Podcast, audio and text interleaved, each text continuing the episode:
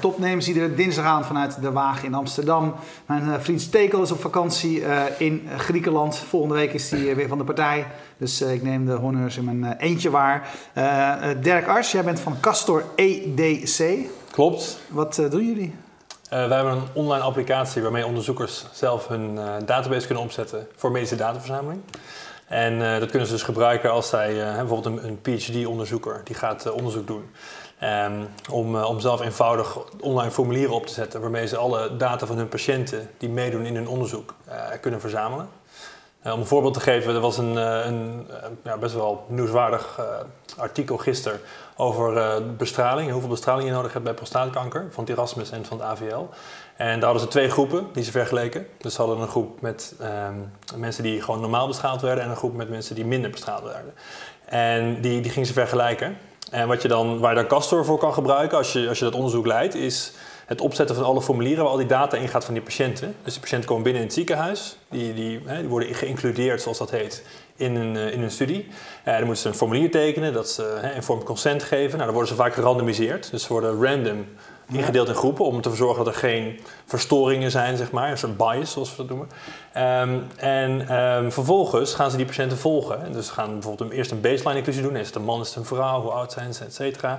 En hoe ernstig is de ziekte? Nou ja, wat, is de, wat is precies het type, type ziekte? En dan gaan ze vervolgens na één maand, na zes maanden, na twaalf maanden... gaan ze die patiënten zien en kijken hoe het met ze gaat... Uh, nadat ze dus die behandeling hebben gehad. Nou, een Castor gebruik je dus om heel eenvoudig voor meerdere ziekenhuizen formulieren te definiëren waar men online uh, data kan invoeren en vervolgens kan exporteren naar een systeem voor analyse. Maar zijn jullie dan de Google Forms of de Google uh, Docs voor, voor de wetenschap? Nou, Google Forms is op zich een goede. dat zou je kunnen zeggen, alleen dan veel uitgebreider. Met veel meer functionaliteit om alle wetgeving en eisen te voldoen. Uh, maar het komt wel op neer dat je heel makkelijk met ons systeem formulieren kan definiëren. Waar je eenvoudig vanaf, vanaf heel veel plekken data kan verzamelen. Dus uh, ja, die vergelijking zou je zeker kunnen maken. Alleen er komt nog heel veel meer bij kijken. Ja. En waarom, waarom zijn jullie dit gaan doen? Is dat een probleem wat je zelf is tegengekomen? Ja, ik, um, ik ben zelf arts. Ik ben in 2011 afgestudeerd. En ik um, liep mijn oudste kooschap, zoals dat uh, toen nog heette, bij, de, bij de intensive care in Alkmaar. En ze hadden daar net bedacht van alle oudste co-assistenten die moeten ook uh, onderzoek gaan doen. Dus um, er zijn, ze zeiden tegen mij, nou uh, leuk dat je bij ons kooschappen komt lopen. Maar we hebben wel een nieuwe regel, je moet onderzoek doen. Want ze wilden eigenlijk gewoon een soort legertje mensen hebben wat voor hun onderzoek deed. Dat komt artsen altijd goed uit. Um, en um, toen zeiden ze, nou we hebben al een, een assistent, iemand die, die in opleiding was tot intensivist die is al begonnen en die had allemaal Excel-sheets gemaakt voor, voor alle individuele patiënten. Dus ze hadden per patiënt waar ze informatie over wilden vastleggen, hadden ze één Excel-sheet. Nou, ik, ik heb altijd een IT-achtergrond gehad en ik deed al programmeerwerk en dergelijke. Ik heb veel als freelance programmeur gewerkt. Ik was al bezig met een beetje nadenken over IT in de zorg en dergelijke. En toen dacht ik, nou, dat, dat lijkt me toch niet handig met losse Excel-sheets. Um, dus de eerste versie van Castor, die heb ik zelf geprogrammeerd tijdens mijn kooschappen. En um, die werd gewoon gebruikt om op de IC, op de, op de laptops, op de intensive care, op data te verzamelen voor die patiënten, voor die specifieke studie waar ik dan als co-assistent aan mee moest doen. En um, toen dacht ik, nou wat raar eigenlijk dat dat zo gaat, hè, dat ik dat moet programmeren. Dus toen ben ik gaan rondvragen aan de artsen en die onderzoek deden van wat, waarom, hoe, doe je, hoe gaat het normaal dan? En zeiden ze ja, gewoon met, uh, met Excel. En uh, ja, toen dacht ik, nou, dat, uh, dat kan niet. En toen langzaam ben ik daar zo ingerold. Dacht ik eerst, ik ga gewoon die applicatie bouwen. En toen kwam ik erachter dat er allerlei wetgeving en regelgeving was. Waardoor het eigenlijk nog veel nuttiger werd om zo'n zo'n applicatie te gebruiken. En ja, omdat ik allerlei vrienden had die ook onderzoek deden of die net afgestudeerd werden, waren, um, konden die mijn product, wat ik toen, hè, de eerste versie had, ja. die konden dat gaan gebruiken. Dus ik denk na, na twee maanden dat mijn studie afliep met mijn eerste versie van Castor, was er al een, een, vriend van mij die voor zijn promotieonderzoek zijn studie ging doen in, in de volgende versie van Castor, die ik ook nog heb gebouwd. Ja, en toen kon het zo doorgroeien. Ja, en je bent toen om je heen gaan kijken. Je zei van het kan toch niet zo zijn dat, maar eh, en daarna dacht je waarschijnlijk kan het toch niet zo zijn dat dat probleem niet ergens anders al is, is, mm-hmm. is opgelost. Uh, was dat zo? Was er geen, geen enkel product of waren er andere producten waarvan jij dacht, nou, dit, dat kan ik beter? Um, een beetje van allebei. Um, ik moet wel zeggen dat ik, ik was toen helemaal niet gehinderd door enige kennis van, uh, van, van hoe die wereld werkte. En achteraf bleek dat er best wel wat van die producten waren, maar eigenlijk alleen maar gericht op de farmaceutische industrie. En dat vertaalde zich met name in het feit dat ze extreem, extreem duur waren. Dus gewoon de normale gemiddelde onderzoeker die op zijn afdeling, hè, zoals op intensive care, eh, onderzoek wil doen, die, die kan dat gewoon nooit betalen. En het zijn altijd lange trajecten met offertes, met contracten, met nou, hoe, heel ingewikkeld. En daarbij heb je dan nog een hele rits aan gebruikersonvriendelijke systemen waar je gewoon programmeur voor moet zijn om, om het te kunnen gebruiken. Waarbij je eerst een, een week lang getraind moet worden, bij wijze van spreken, om überhaupt een database te bouwen. Dus dat, er waren wel redelijk wat systemen, maar of ze waren heel erg duur, of ze waren heel erg ingewikkeld. En wij, ja, wij uiteindelijk, we hebben gewoon gezegd, we maken gewoon een systeem wat en heel betaalbaar is en heel gebruikersvriendelijk zodat iedereen het kan gebruiken. Ja. En waar staan jullie nu met je bedrijf? Hoe groot zijn jullie nu? Hoeveel mensen gebruiken het? Um, we hebben nu 1500 gebruikers, um, ongeveer 750 studies. Um, en niet elke gebruiker heeft ook een studie, want we hebben ook heel veel gebruikers die, die data entry doen, zoals we dat noemen. Dus die voeren gewoon alleen maar data in voor andere studies. dus als jij vanuit het Erasmus bijvoorbeeld een studie doet en je hebt allemaal mensen die meewerken vanuit AVL, die voeren alleen data in over hun patiënten, maar die bouwen niet, bouwen niet de studie. Um, dus we hebben voor een, een, een, hele grote groep studiebouwers en hebben we nog een hele grote, grote groep mensen die, die data invoer uh, doen voor die mensen. En um, ja, in Nederland zijn we gewoon nu, nu heel hard aan het groeien. Uh, heel veel mensen zien het voordeel van een betaalbare oplossing die iedereen kan gebruiken. En we hebben net een, uh, een contract getekend met het, uh, met het Radboud ziekenhuis in Nijmegen, waar we gewoon echt ontzettend trots op zijn. Ja. Um, en wat ook heel erg goed is, want het past helemaal in onze lange termijnvisie. Um, want het betekent dat elke onderzoeker in het Radboud kan gratis um, ons systeem gebruiken voor dataverzameling. En het verschil tussen ons systeem gebruiken en Excel gebruiken voor dataverzameling is gewoon gigantisch. Daar gaat de kwaliteit van de data enorm mee omhoog. Plus het biedt veel meer potentie voor hergebruik. Zodat je ook veel minder research waste uh, krijgt, zoals we dat noemen. En um, ja, dat, dat gaat heel hard. En, uh, we zijn met heel veel mensen aan het praten, met heel veel partijen aan het praten. En uh, we hebben in alle andere ziekenhuizen in Nederland overal hebben we gebruikers. En um, uh, ja, dus ja. De, de, groeiende. Ja, hey, um, uh, je, als ik op de site kijk, hè, want de, de, mensen kunnen ook al veel gebruiken zonder iets te betalen. Ja, ja, dan precies. heb je ook al veel mogelijkheden. Mm -hmm. En mij kun je eens iets vertellen? Wat kost het gebruik van jullie dienst? Nou ja, wat, wat je net al aangaf, uh, kleine studies zijn gratis. En um, het doel daarvan is dus ook dat al die kleine studies die gewoon snel worden opgestart, dat die allemaal gewoon een systeem kunnen gebruiken, ook al hebben ze geen budget. En studies voor jou een onderzoek, hè? Voor jou is een onderzoek, ja, ja precies. Ja. Dus een, een, onderzoek op de afdeling, maakt niet uit wat het is, dat tellen we gewoon als een, als een studie. En um, verder, ja, voor, voor, voor bijvoorbeeld 300 euro uh, kan je al uh, een jaar lang onderzoek doen met ons systeem. Als je niet voldoet aan de eisen voor een gratis systeem. En ja, voor ons is een dure studie is, is 5000 euro of zo. Dat is echt voor ons een dure studie. Dat is dan een grote multicenter randomized control trial. Dus een, een, trial die randomisatie gebruikt, die meerdere centra loopt, waar heel veel mensen data invoeren. En um, ja, er zijn nog af en toe extreme um, uh, gevallen die nog duurder zijn, maar dat zien we bijna nooit. Hey, wat, wat is jullie, je gaf dat ding al een beetje aan ook. Ik weet niet of het grootste, jullie grootste uitdaging of probleem is, maar uh, die, die internation, uh, inter, internationaal te maken met verschillende regelgeving. Mm. Wat mag je met gegevens, wat mag je niet ja. gegevens, al dat soort, dat soort dingen. hoe, hoe remmend is dat voor jullie? Hoe moeilijk is dat? Nou, ik bedoel Kijk, vroeger begreep ik nooit waarom al die bedrijven zo ontzettend duur waren. Ik dacht, ja, dat is een onzin, weet je wel. Die zitten gewoon puur extra geld naar binnen te harken. Ja. En uh, we beginnen nu heel langzaam wel een iets genuanceerde beeld te krijgen van dat je wel heel veel tijd moet investeren in dat uitzoeken en al die dat papierwerk. En gewoon een gemiddeld ziekenhuis, als je daarmee zaken wil doen in Nederland. Want we, hebben dus, we doen zaken met de losse onderzoekers, maar soms ook met, de, met ziekenhuizen. En dan is zo'n enorm papierwinkel. Dus daar, daar maak je wel extra kosten op. En uh, dat, is, dat is echt uitdagend, want en het kost veel tijd. En je wil eigenlijk alleen maar ontwikkelen en innoveren. Je wilt het product beter maken. Maar je moet ook heel veel tijd in die papierwinkel besteden. En je hebt advocaten nodig, et cetera. Uh, dus dat is wel echt uitdagend. En we willen nu ook naar Duitsland gaan. Ik had eergisteren een gesprek met een professor uit Hamburg. Uh, maar ja, daar moet de data wel in Duitsland staan. Ja, dus dat zijn dingen. En dan moet ja. ik weer met een of andere expert, uh, lokale expert gaan praten om dat uit te zoeken. Dus dat is heel erg uitdagend en, ja. en, en interessant. Maar ja, het is, het is, het is lastig. Het is, het is makkelijker, denk ik, om, om een consumer product te hebben. Wat iedereen gewoon vrij gaat gebruiken zonder, zonder regels. Maar dat is, uh, weet je... Ja. Hey, um, hoe, hoe zijn jullie gefinancierd? Um, ik denk dat de technische term uh, bootstrapped is, maar uh, ja. weet niet, 100% zeker. um, maar in ieder geval, ja, wat ik zei, hè, dus, uh, ik heb het zelf gebouwd, toen hadden we de eerste klant en ja. zo zijn we gewoon doorgegaan. Dus helemaal organisch, bij, denk ik, gegroeid. En gewoon elke keer de omzet die we konden genereren met, met onze klanten gebruikt om om weer verder te ontwikkelen, weer nieuwe klanten aan te halen, ja, et cetera. En dat is heel aantrekkelijk natuurlijk, want Ja. dat betekent dat we gewoon zelf bepalen wat onze richting is. En dat is ook wat je wil, of ben je wel op zoek naar, eh, heb je investeringen nodig om sneller te, sneller te groeien? Nee, nou, uit bedoel, het zijn wel eens discussies die we voeren als we aan het borrelen zijn, maar eh, eigenlijk niet. Ehm, als, het- als het in dit tempo doorgaat, kunnen we gewoon precies doen wat we, wat we willen. En ehm, ja, we, we, we zijn, we zijn nu bezig om internationaal ook te gaan, eh, groter te gaan worden. En dat is heel spannend om te kijken ja, hoe de markt gaat reageren op een Nederlands bedrijf. Ja. Ehm, maar ehm, voorlopig lijkt het erop dat we gewoon op die manier goed kunnen doorgroeien. En ja, ik vind het ook wel waardevol, want ik heb een hele duidelijke... Ik, bedoel, ik ben zelf ook onderzoeker, ik doe zelf ook nog PhD, een PhD in, in het AMC. ehm, en dat heb ik altijd naast gedaan. En ik wil wel echt een goed product maken wat ook voor de maatschappij iets kan betekenen. Ik wil niet dat iemand zich daar eigenlijk mee gaat bemoeien. eh, Die dan gaat zeggen, nou we moeten toch voor winstmaximalisatie gaan. Want wij gaan juist voor, ik wil de prijs juist omlaag brengen. Dus ik wil Castro alleen maar goedkoper maken. Zodat iedereen in de hele wereld het kan gaan Ja. gebruiken. In Nederland hebben we natuurlijk nog best wel veel geld voor onderzoek. Maar in eh, Brazilië is dat misschien heel anders geregeld. Ik wil dat, dat ze het daar ook kunnen gaan gebruiken. En ik kan me voorstellen dat een investeerder dat gewoon een slecht idee vindt. Die denkt, ja, eh, hè? gewoon duurder. Grotere onderzoeken, farmaceutische industrie. Nou goed, ik bedoel, die willen we ook wel gaan bedienen. Maar dat is niet primair focus. Nee, dus de ideologie is belangrijk. Ja, absoluut. Ja. Ja. Hey, je, je- zoals je, als je het eerder aangaf, is het op een bepaalde manier ook een klein beetje toevallig eh, gegaan. hè? Mhm. Want, want je had het zelf nodig. Je was eh, een arts die ook nog eens kon programmeren. Ja. Hè? Eh, daar zijn er zoveel van.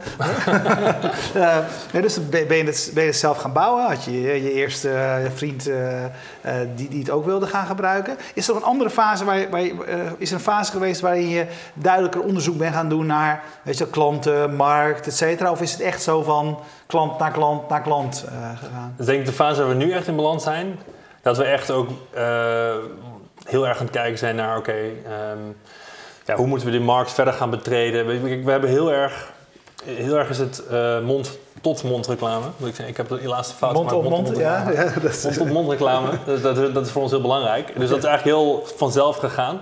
En eh, we zijn nu wel veel meer aan het investeren om ook actief mensen te benaderen. Want we, we willen wel in ieder geval dat ze weten dat we bestaan. Weet je wel, als ze niet weten dat wij bestaan, dan kunnen ze ons ook niet gebruiken.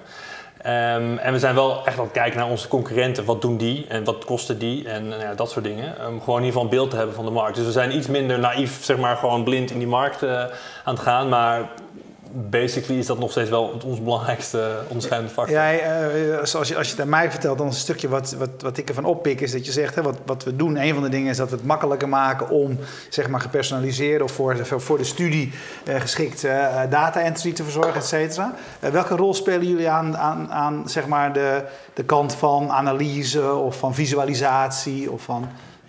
Ehm, nou, sommige klanten vinden dat we daar een te kleine rol spelen, maar eh, de meeste niet. Ik, heb- we zeggen in principe gewoon, wij doen gewoon één ding en dat doen we gewoon echt heel erg goed. En dat maken we heel goedkoop en makkelijk. En analyse, dat laten we gewoon over aan de analyse software. Anders gaan we ook lopen concurreren met de SAS en de SP6 en de Stata en al een R. Wat gewoon een supergoed open source eh, platform is wat ik zelf gebruik voor analyse.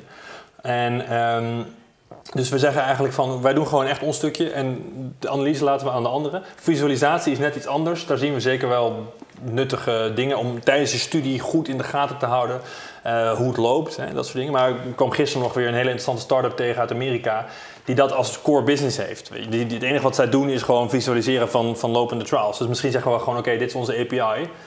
Laten we connecten, eh, lekker modern. En dan laten we hun dat eh, uitvogelen. Maar goed, ze moeten dan wel in onze ideologie passen. Want vaak zijn dat soort partijen echt extreem duur. Ehm, en anders gaan we gewoon inderdaad zelf meer dat stuk doen. Maar we zijn wel heel sec van waar ligt onze, waar ligt onze focus. En, en wat is ons stukje en wat is voor iemand anders. Ja, en je zegt, eh, eh, je hebt het over de API. Heb, is dat wat jullie nu, dat hebben jullie nu ook, waar mensen al tegenaan kunnen programmeren? We hebben wel een API, maar die, die kan nog beter en uitgebreider. Eh, maar we zijn nu met het Radboud bezig om een, een koppeling te maken met hun patiëntendossier. Zodat ze die patiëntengegevens makkelijk voor onderzoek kunnen inzetten. En dus wat al heel lang speelt is registratie aan de bron. Eh, wat betekent, we leggen gewoon gegevens maar één keer vast. Het, het scheelt werk, maar het scheelt ook fouten, et cetera. En eh, wat we dus nu willen doen is ook onze API gaan inzetten, zodat ze daar medische berichten naartoe kunnen schieten. Uiteraard via beveiligde verbindingen en ook anonieme berichten, dus er zit geen identificerende informatie bij. Ehm, maar dat onze API dat kan ontvangen en daar ook weer eh, feedback op kan geven. Dus we hebben een API, we zijn wel langzaam aan het uitbreiden. Ook zodat je statistieken kan gaan opvragen op, over je studie. Dus dan kan je makkelijk in je website laten zien hoeveel inclusies hebben we, hoe gaat het met de studie, Ja. et cetera. Dus dat is een, een constant groeiend iets. En we, zijn we zitten, nu in de tijd van de, zeg maar de, de, de persoonlijke eh, apparaten Ja. die, die je bij je draagt en die allerlei metingen, et cetera, kunnen doen. Dus Mhm. die data genereren. Absoluut. Eh, ehm, heb je het dan ook daarover? Weet je, kan dat ook jullie systeem binnen, eh, binnenlopen, zeg maar? Nou ja, we, we zijn nu nog echt aan het kijken van hoe kan je dat nou goed doen. We, we hadden het net al even in onze soort voorgesprekje Ja. over, over, de, hè, over de Fitbit bijvoorbeeld, waar je best wel moeilijk je data nu uit kan krijgen. Ehm, er zijn heel veel andere initiatieven, er zijn ontzettend veel devices. Ik heb een hele slide vol met alle devices en, de- en de weegschalen en de bloeddrukmeters en dergelijke. En ehm, een van mijn boodschappen aan de wereld zou zijn: ga alsjeblieft standaardiseren. Eh, want dat is, je hebt nu heel veel patiëntenportalen, je hebt de devices, je hebt heel veel bronnen van data die heel nuttig kunnen zijn voor de zorg en voor onderzoek. Wat uiteindelijk in elkaars verlengde ligt, want de zorg wordt bepaald door wat er met onderzoek wordt, wordt uitgevonden, feitelijk. Ehm, en ehm, dus die, die informatie is super waardevol, maar zonder standaardisatie is het echt super veel werk om, om die data goed te gebruiken. Dus wij willen absoluut een hele belangrijke rol gaan spelen in, ehm, in die positie van die, die, al die binnenkomende data uit alle hoeken zeg maar structureren zodat het bruikbaar is voor onderzoek. Want onderzoek heeft gewoon gestructureerde data nodig, want je moet analyseren. Maar ik zou het ook heel erg mooi vinden als er meer wordt nagedacht over standaardisatie, voordat er allerlei devices en platforms en portals de wereld in worden geschoten. En waar, waar- waarom eh, gebeurt dat te weinig? Is het omdat partijen de wereldleider eh, willen worden of omdat het duurder voor ze zou worden om, eh, Ja. om daar naar te kijken? Dus enigszins politiek gevaarlijk eh, eh, water waar me dan in ga begeven. Ja. Maar ehm, wat ik toch veel zie bij leveranciers is dat ze erg graag de klant zoveel mogelijk bij zich willen houden. Dus zo min mogelijk dat, dat moderne openen willen hebben. Ja. Ehm, zodat de klanten verplicht al hun services gaan afnemen.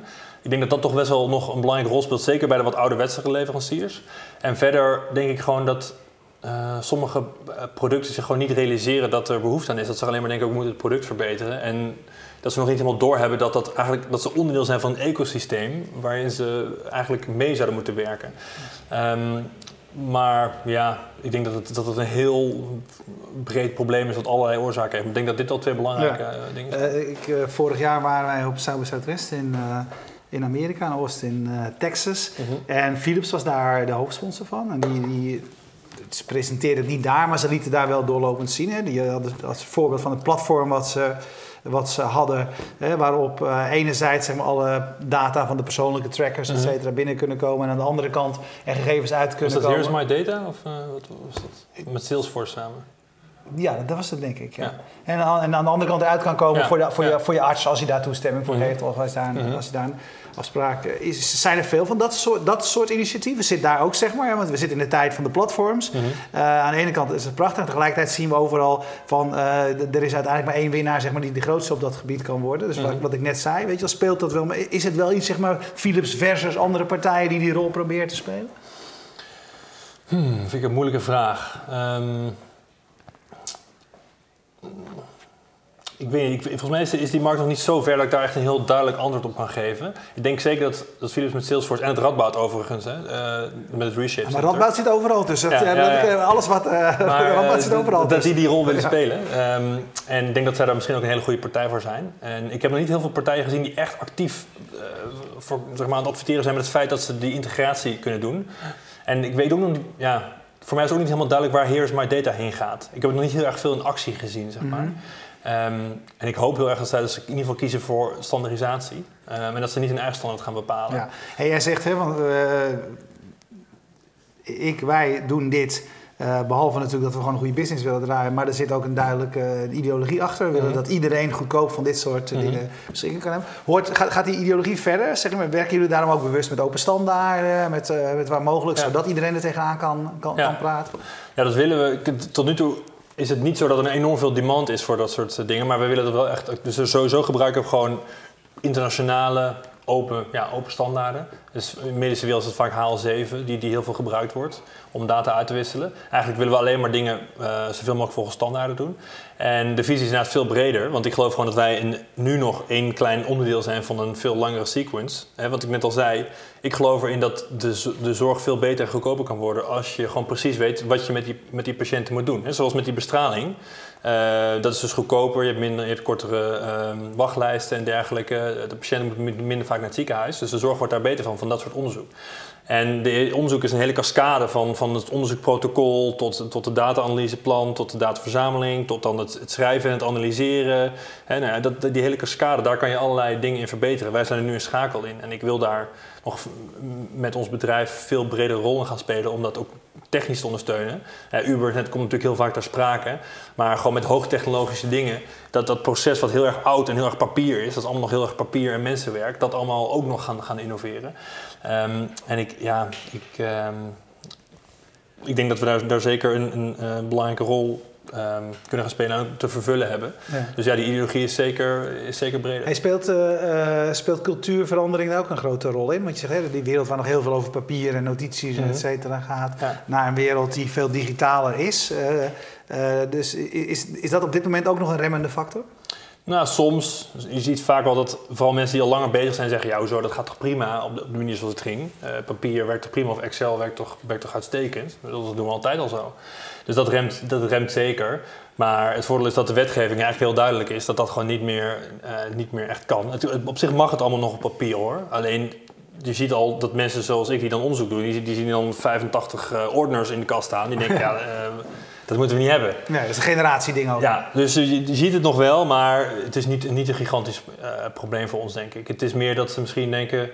Um, we willen met de interne IT-afdeling van het ziekenhuis werken. Dus we gaan niet met een soort uh, outsider uh, aan ja. de slag. En dat is voor ons een heel langzaam proces. Ja, want je moet eigenlijk, jullie moeten eigenlijk, uh, wat, je, wat je eerder zei, als je, als je een bepaalde consumentendienst of app of wat dan ook maakt, dan kan je eigenlijk om alle structuren heen. Hmm. maar jullie, jullie, jullie moeten bij wijze van spreken ziekenhuis of uh, universiteit of voor universiteit of ziekenhuis hmm. voor, je, voor, je, voor je winnen. Is het arbeidsintensieve operatie? Ja, ja, dat is arbeidsintensief. Ja, dus uh, ik heb een heel groot deel van mijn dag bestaat vaak uit, nu uit het invullen van, van Excel-sheets, die dan deels van mijn collega al voor een heel groot deel zijn ingevuld. Dan moet ik het nog nalopen en alle gaten invullen en de Word-documenten nalopen en, en, invullen. En bedoel, dat is gewoon veel werk. En dat is ook een echt, nou ja, als je het over ouderwetse processen hebt, je weet gewoon echt niet wie je ziet. Ik bedoel, als je dat is, dat is soms echt uh, heel fascinerend. Maar, um, maar ik, bedoel ook ja. de, ik bedoel ook de klanten voor je winnen, zeg maar. Is oh, dat? dat ja. Um, de klanten voor ons winnen. Nou, zodra de klant ons systeem helemaal gebruikt, gaat dat over het algemeen redelijk automatisch. Dus dat is fijn. Dus wij proberen gewoon het systeem zo gebruikersvriendelijk en, en, en goed mogelijk te maken. En um, ja, dan zijn de klanten eigenlijk meestal zo blij dat dat stuk geregeld is. Dus inderdaad, wat wij alleen moeten doen is zorgen dat ze ons, uh, dat ze ons kennen. Maar dat is eigenlijk niet, niet ons grootste probleem op dit moment, denk ik. Wat is je grootste probleem? Oeh, wat is ons grootste probleem? Ja, je geeft, ja, uh, deze kon ik alleen maar inkopen. Ja, hoef alleen, alleen maar te herhalen. um, hmm. Ik ga even goed, over een goed antwoord nadenken. Maar, ja. Um, ja, we hebben de tijd. Onze, onze grootste uitdaging is nu denk ik gewoon internationaal hetzelfde bereik als wat we in Nederland hebben. Ik, ik denk dat niet dat, in Nederland hebben we niet echt grote problemen nu. Uh, ja, behalve gewoon soms inderdaad de ouderwetse IT-afdelingen die gewoon zeggen: nee, dit is de oplossing en daar moet het bij blijven. Maar dat is meer gewoon lange adem dat het echt een gigantisch probleem is. Waar ik nu met name nog een beetje tegenaan denk, is gewoon bijvoorbeeld de Duitse cultuur. Hoe gaat dat ons beïnvloeden? Weet je wel? Dat kan ik nog moeilijk overzien. Um, dus ja, dat zie ik dan eigenlijk als een uitdaging. Hè? Dat moet je ja. natuurlijk ook zeggen. Ja, moet je zeggen, is geen probleem, een uitdaging. Ja, ja. Maar um, daar, daar, zou ik dan op dit moment nu, nu leggen. Kunnen wij internationaal hetzelfde gaan doen als in Nederland? Ja. ja. Nee, want ik kan me voorstellen dat eigenlijk de kracht van jullie ook is dat, en wat je zegt, weet je, we kiezen een, een klein onder, een klein, hè, relatief, proberen, een relatief klein probleem wat we goed proberen op te lossen. Mm -hmm. uh, maar het is een heel erg, uh, ja, ik zou het eerder denken, er zit eigenlijk weinig cultuur aan vast. Ja. Gelukkig. Nee, ik denk dat we op zich daar heel, heel blij mee mogen zijn. Ja. Want ik bedoel, wetenschap is een heel internationaal fenomeen. Maar de vraag is meer van, gaat een Duitse professor uh, geld betalen aan een Nederlands uh, bedrijfje? Ik bedoel, we vinden onszelf best groot, maar dat zijn we natuurlijk eigenlijk niet. Um, en um, ja, dat, dat, is, dat is het cultuurstuk, denk ik, waar we aan vastzitten. Maar voor de rest zitten we denk ik heel, heel goed hoor. Want wetenschap is wetenschap. En dat gaat eigenlijk altijd volgens dezelfde regels. Dus dat stuk hebben we in ieder geval met ons mee. Ja. Dat geeft me ook hoop hoor. Maar Ja. we moeten het toch maar zien. Hey, je zei van, ik vind onszelf best wel groot, want met, met hoeveel mensen werken jullie nu aan? eh? Nou, nu met, met z'n tienen ongeveer. En eh, ja, aangezien ik dus eh, vier jaar geleden in mijn eentje begonnen was, vind ik dat be- best wel een grote groep. Ja. Hè, als we, dan, we, hebben dan, we werken dan ook volgens Scrum. En we hebben dus ochtends de stand-up. En dan hebben we dus soms gewoon zeven, acht man in de stand-up die allemaal gaan vertellen wat ze die dag gaan doen. En dan denk ik, nou, hè, dat, niet is niks. dat Ja, gewoon ja. een groot team. Duurt best lang om ze allemaal te laten niet praten. eh, kunnen doen. Ja, ja. Dus eh, ja, ja, weet je, het is, eh, het is voor, voor een start-up, als we noemen ons als toch een start-up wel, eh, is het, aan, zijn we lekker aan het groeien. Hey, en eh, je, je hebt het eerst zelf ontwikkeld, omdat je zelf eh, eh, kan, kan programmeren. Ja. Ben jij dan ook nu nog de, de... Je programmeert nu niet meer zelf, begrijp ik? Nou, nee, eigenlijk niet. Nee? heb ik afgelopen vrijdag nog een heel klein stukje geprogrammeerd, maar Ja. ik had snel weer Maar ben je, ben je nog wel, ben je wel zeg maar de CTO? Heb je wel het overzicht? Ben ben je wel degene die, over, die overzicht over de techniek Nee, had? of ben je, eigenlijk niet. Nee, we hebben echt ben je de- een ben je de andere- vertegenwoordiger We hebben een andere CTO. Nee, ik, ik, noem, ik noem mezelf dan, als ik mezelf iets noemen, de, de CEO of gewoon Ja. de founder. We hebben echt iemand die, die, eh, die onze lead developer echt de CTO is, die het overzicht houdt over de architectuur. Die kan natuurlijk echt veel beter dan ik. Ehm, kijk, ik kan prima programmeren en logisch denken en lastige algoritmes oplossen. Dus ik vind het leuk om bijvoorbeeld het, al, het randomisatie-algoritme te programmeren. Maar als je een applicatie ontwikkelt in deze sector, moet het gewoon echt supergoed staan. En je kan ook niet een leuke beta-release gewoon gaan uitrollen en dan kijken wat voor bugs er binnenkomen. ja. Ehm, dus dat moet gewoon heel solide zijn. Het moet ook aan allerlei standard operating procedures voldoen. Dus er moet gewoon iemand zitten die echt weet van hoe ontwikkel je nou een, een scalable applicatie en, en ehm, hoe moeten mensen dat, hoe moeten andere developers die eraan werken eh, de, de code committen, hoe past dat in het geheel, et cetera. Dus daar, daar, gelukkig hoef ik me daar niet ook zorgen over te maken. Ja, jij kan wel de proof of concepts en andere die... eh, Ja, dus ik ben dan de product owner. En Ja. eh, wat ik dus moet doen is in principe alle issues of alle vragen van de klanten die binnenkomen moet ik naar uitwerken. Dan ga ik in, eh, in een mooi mock-up programma ga ik mock-ups maken. En dan ga ik van die pijlen trekken en dingen. En dan eh, zo uitgebreid mogelijk proberen te beschrijven wat er gebouwd moet worden. En eh, uiteindelijk is het dan aan onze eh, CTO om te zeggen, nou dat gaan we zo bouwen. En dat gaat op die plek in de applicatie en dat ga, je- dat ga jij doen. En ehm, zo gaat het getest worden. En ik moet eigenlijk meer overkoepelend zeggen, het is niet dat het een mooi plaatje wordt en dat het, dat het ook doet wat onze klanten willen. Want hè, als, zoals elke lean startup hebben we dus hele korte eh, release Ja. cycles. We proberen zes weken te halen. Maar met al die validatie en certificeringsdingen is het wel echt wel uitdagend. Eh, wat ik zei, we, kunnen niet een buggy randomisatiemodule gaan lanceren. Dat kan gewoon echt niet. Dat Nee. moet gewoon supergoed getest zijn. Dus we hebben ook echt een, een fulltime tester in dienst die alleen maar test en test en test. Ehm, maar alsnog proberen we wel nu daar een modus in te vinden dat we toch regelmatig kunnen releasen. En ehm, ja, goed. Het gaat- goed. ja. eigenlijk. Maar vind je het wel jammer of niet? Je eentje lekker zat, lekker zat te kn- te knutselen aan... eh, Nou ja, kijk. Natuurlijk, er zijn af en toe momenten dat dat, dat, dat jammer is. Want ik vond, vond en vind programmeren, programmeren heel erg leuk. Ehm, maar kijk, natuurlijk de, de gaafheid van, van zo'n bedrijf en zo'n eh, zo'n contract binnenhalen. Gewoon zoveel mensen. Ik bedoel, kijk, je moet je voorstellen, omdat ik zelf ook een, een, een PhD nu bijna af dan heb. Maar ehm, ik weet ik gewoon en voor mij is dat al een mindere mate omdat ik kast daarnaast heb gedaan. Maar voor heel veel PhD-studenten is dat gewoon helemaal hun leven. Weet je wel. Die- leven alleen maar met dat onderzoek. En, en zijn dus 750 studies nu. En er zijn dus allemaal mensen die gewoon... Nou ja, die hebben dan wel heel snel een database gebouwd, want dat gaat dan makkelijk. Maar die data entry, om die patiënten te, te includeren en die data te verzamelen. Weet je wel, die, die Castor database is gewoon hun hele leven. Dat vind ik gewoon, als je daarover gaat nadenken, dat is zoiets vets. ja. En ik weet gewoon, dat had ik nooit in mijn eentje kunnen bereiken. Weet je wel, daar heb je gewoon goede mensen voor nodig Ja. om, dat, om dat samen mee te doen.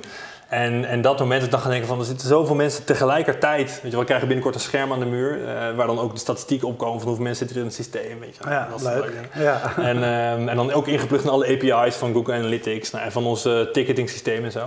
Maar als je dan gaat bedenken dat er zoveel mensen tegelijkertijd in jouw systeem zitten en daar ook tevreden mee zijn. Dat is zo gaaf. Dat compenseert absoluut voor, voor het minder Ja. programmeren. En anders ga je gewoon wel iets in je home automation programmeren. Of, Oh, eh, absoluut. altijd- Ja, nee, ik heb thuis allerlei soort van handgekluste Arduino eh, projectjes en dat soort dingen. En R, hè, als ik nog af en toe een artikel publiceer, dan kan ik nog in R een beetje programmeren en dergelijke. En dus bijvoorbeeld de randomisatiemodule, want er komt nu een, een minimalisatiemodule, dat is een andere vorm van, van randomiseren.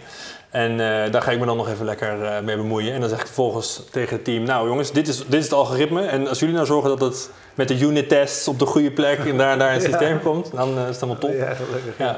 Hey, super, hartstikke mooi. Hey, wij doen dit al jaren en we blijven dit nog jaren doen. Dus we maken hier ook vervolgverhalen. Dus kom, kom nog een keertje terug om te vertellen hoe het verder gaat met...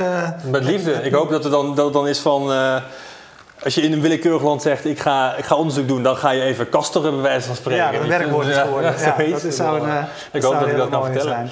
Ja, nou ja, en met name ook, want dat is natuurlijk toch, toch een mooie, weet je, dat je de, de, de, de combinatie van dat je zegt van je wil, uh, de, de, natuurlijk, je wil een goede business opbouwen en tegelijkertijd uh, je wil iets toevoegen aan deze, ja. aan deze wereld. Nou, als ik iets nog wel geleerd heb, ook van, van de andere succesvolle bedrijven kijken en, en wat nou een bedrijf succesvol maakt, wat ook net uit je vorige gesprek naar voren kwam. Um, gewoon die ideologie hebben en iets doen waar je zelf achter staat en passie voor hebt. Ja, je, dat maakt toch wel echt wel een groot uh, verschil. En uh, ik denk dat dat heel belangrijk is. En weet je, ik vind het gewoon heel erg leuk om proberen ook een steentje bij te Want ik ben, ik ben dus arts eigenlijk. Hè? En, en daar doe ik nu feitelijk niks mee. Daar krijg ik heel veel vragen over. Ja. Van, word je dan geen dokter? Of wanneer ga je dan nog specialiseren? Ja, nee, dat, dat is nu gewoon, gaat niet gebeuren. Nee. Maar dan hoop ik dus wel dat ik op een andere manier iets, iets kan betekenen zeg maar, voor, de, voor de zorg en voor, dus ook voor patiënten uiteindelijk. Ja, want hoe lang, hoe lang studeer je ook weer tot je arts bent? nou, in ieder geval zes jaar sowieso. Dus vier jaar studeren, zes, of twee jaar kooschappen. En dan met vertraging ben je er sowieso minstens zeven jaar meestal mee bezig. Dus ik heb er zeven jaar over gedaan. En, uh, nou, ik heb het is wel handig om arts te zijn. Ja. Dus, nee, zeker. En ik heb heel veel artsen in mijn omgeving, dus ik ga altijd veel praten en luisteren. En dan probeer ik toch nog een beetje in te blijven. Maar het is... Uh, ja, je moet keuzes maken. Hè? Dit is gewoon zo, zo gaaf en zo nuttig dat ik ja. dacht, dat, daar gaan we nee, ontzettend goed. Mooi verhaal. Hey, dankjewel. Oké, okay, uh, jullie bedankt voor het kijken. Streamzilla uit Groningen bedankt uh, die ervoor zorgde dat je live kon meekijken op uh, deze dinsdagavond. En als je on-demand wil volgen, fastmovingtargets.nl is natuurlijk het adres. En alle uitzendingen zijn ook te volgen via... Uh, YouTube. Wil je uh, media over innovatie een handje helpen en uh, FMT-member worden, dan zie je nu, of althans zo direct, ja, nu heel scherp geschakeld van Martinez. Dank Martinez. Zie je nu het URL onder in je beeld. Dus uh, ga daar naartoe je ziet wat je ervoor terugkrijgt. Boeken, uh, toegang uh, tot waardevolle mensen en waardevolle informatie. help ons een handje. En wij zijn er iedere dinsdagavond, dus volgende week ook weer. Dankjewel.